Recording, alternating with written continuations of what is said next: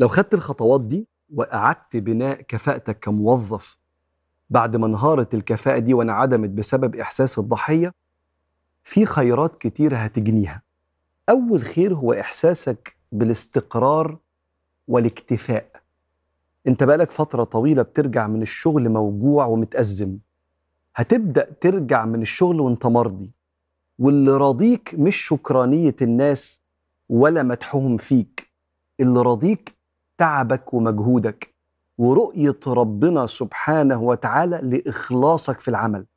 واكتفائك إن ربنا لا يضيع أجر المحسنين لا يضيع أجر من أحسن عملا سيدنا النبي بيقول عليه الصلاة والسلام إذا عمل العبد في صخرة صماء ليس لها باب ولا كوة أخرج الله عمله كائنا من كان.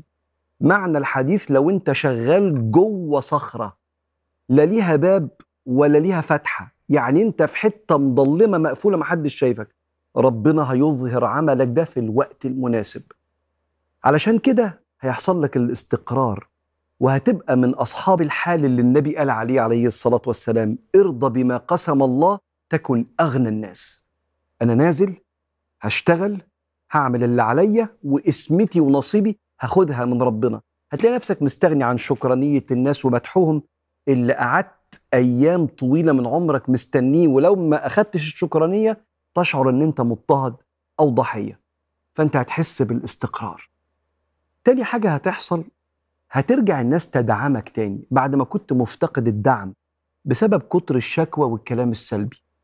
لأن الناس بتحب المركز المجتهد. الناس بتعظم البطل والبطل في الشغل اللي بيشتغل في صمت وبينخرط في الشغل الجماعي وعايز المصلحة العامة اللي هو عكس ثقافة الضحية. أنت كده أعدت بناء اللي انهدم من كفاءتك.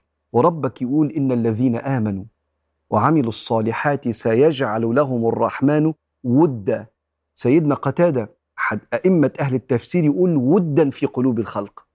حاجة الجميلة من أجمل الخيرات اللي هتجنيها إنك أنت هترجع بيتك مغفور ليك. أيوة لأن أنت كنت بترجع بيتك مش كالا من عمل يدك مش تعبان من عمل إيدك كالا من مشاعرك إنك ضحية. دلوقتي أنت ركزت وهترجع تعبان من الشغل.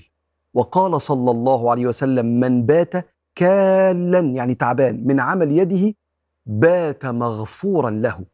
وقال صلى الله عليه وسلم إن من الذنوب ما لا يكفره الصلاة ولا الصيام ولكن يكفره الهم في طلب المعيشة. التركيز بتاعك ده في لقمة عيشك هيرجعك كل يوم ما عندكش ولا ذنب. وكلنا محتاجين ده.